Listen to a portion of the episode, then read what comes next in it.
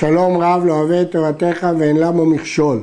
הרמב"ם משנה תורה, ספר שופטים, הלכות ממרים, פרק רביעי.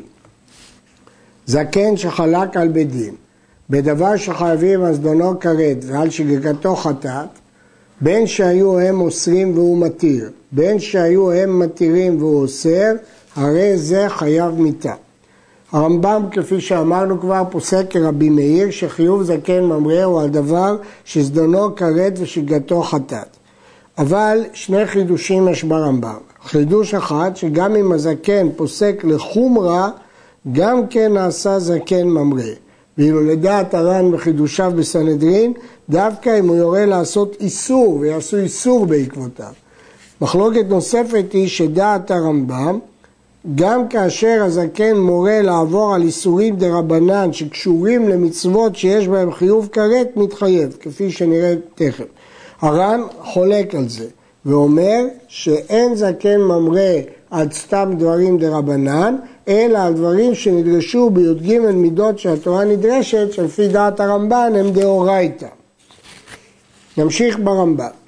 אפילו היה הוא אומר מפי הקבלה, זה לא סברה שלו, זה מסורת. והוא אמר כך קיבלתי מרבותיי.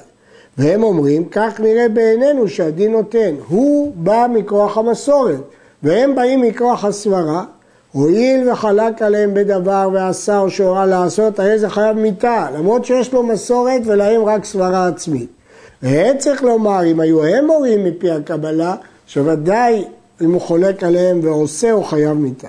וכן אם חלק עליהם בגזרה מן הגזרות שגזרו, אפילו דין דה רבנן, בדבר שיש בשגתו חטאת ובזדונו כרת, כגון שהתיר החמץ יום 14 בשעה שישית, שזה דין דה רבנן, או עשרו בהניה בשעה חמישית, שזה דין דה רבנן, הרי זה חייב מיתה וכן כל כיוצא בזה, למרות שזה דיני דה רבנן.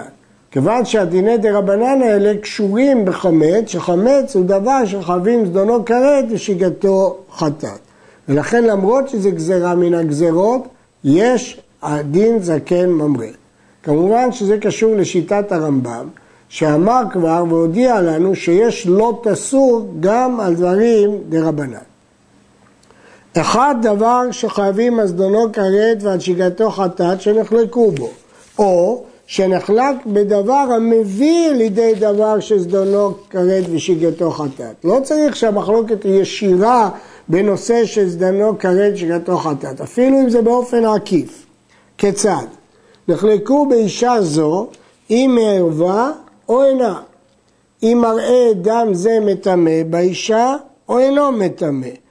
אה, למשל, יש מחלוקת עקביה בין מעללל ורבנן, דם הירוק, עקביה בין מעללל מטמא, וחכמים מתירים.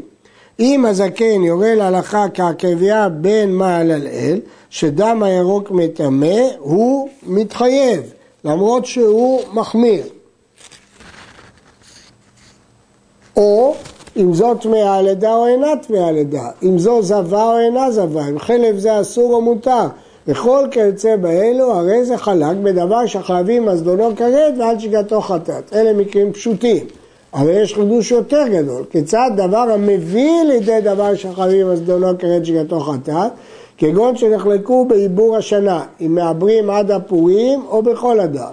הרי זה חייב, שזה מביא לידי אכילת חמץ בפסח. השאלה אם יוסיפו חודש, ישפיע על אכילת חמץ בפסח, שזדונו כרת שגתו חטאת. אז למרות שהדין הישיר של עיבור החודש לא חייבים על זדונו כרת שגתו חטאת, אבל בכל אופן זה משפיע על דין שזדונו כרת ושגתו חטאת. וכן אם נחלקו בדין מדיני ממונות, או במניין הדיינים שדנו דיני ממונות, הרי זה חייב. לדבריו של אחד שזה חייב לזה וכל שנטל ממנו כדין נטל ועל פי בית דין נטל.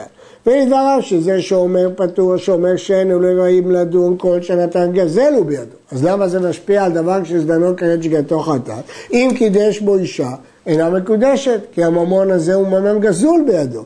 ולדברי האומר שלא נטל, הבא עליה במזיד, אנוש כרת, הוא שוגג, חייב חטאת. אם הבית דין זיכה אותו בממון שלו, אז היא כן יכול לקדש בו אישה, ואם מישהו יבוא עליה, יהיה חייב אה, כרת וחטאת. אבל אם הזקן ממרא מורה שזה גזול בידו, אז הוא לא יהיה חייב כרת וחטאת.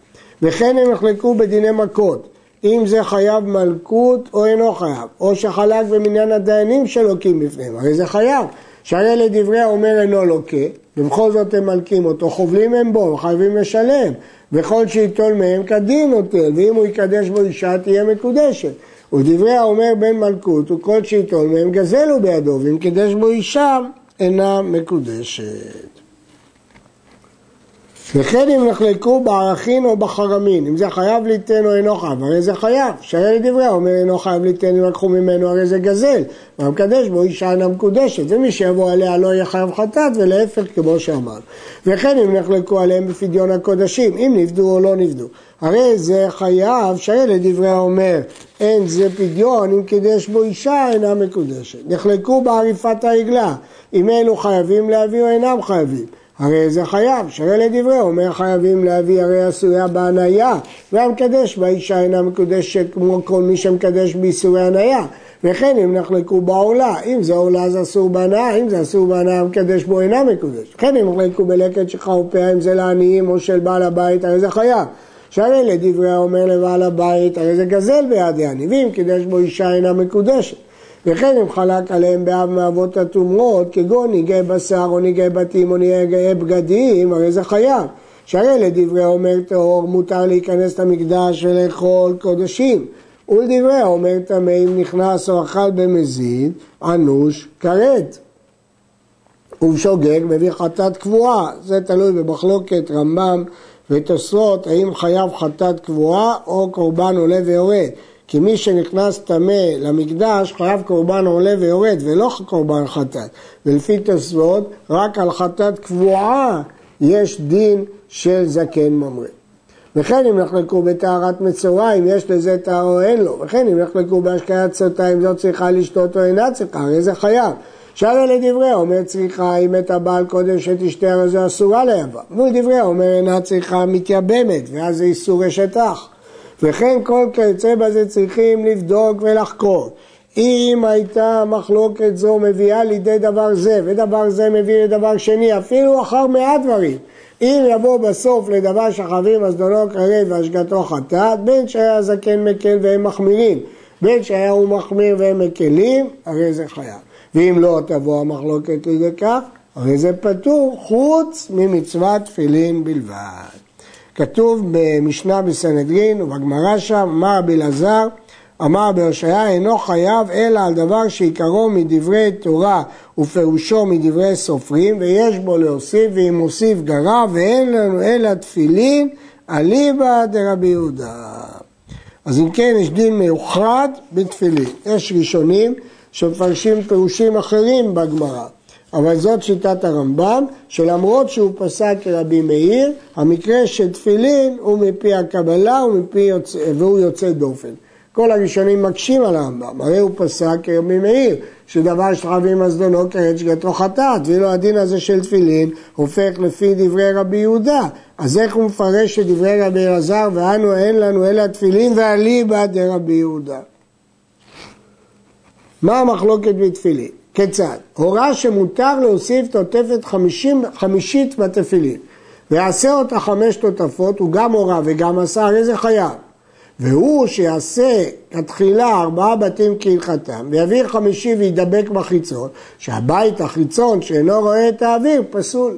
אם היה עושה מראש חמש, אז הבית החיצון רואה את האוויר, אבל אם הוא עשה ארבע ועכשיו הוסיף חמישית, הוא חסם את הבית הרביעי מלראות את האוויר והוא פסל אותו.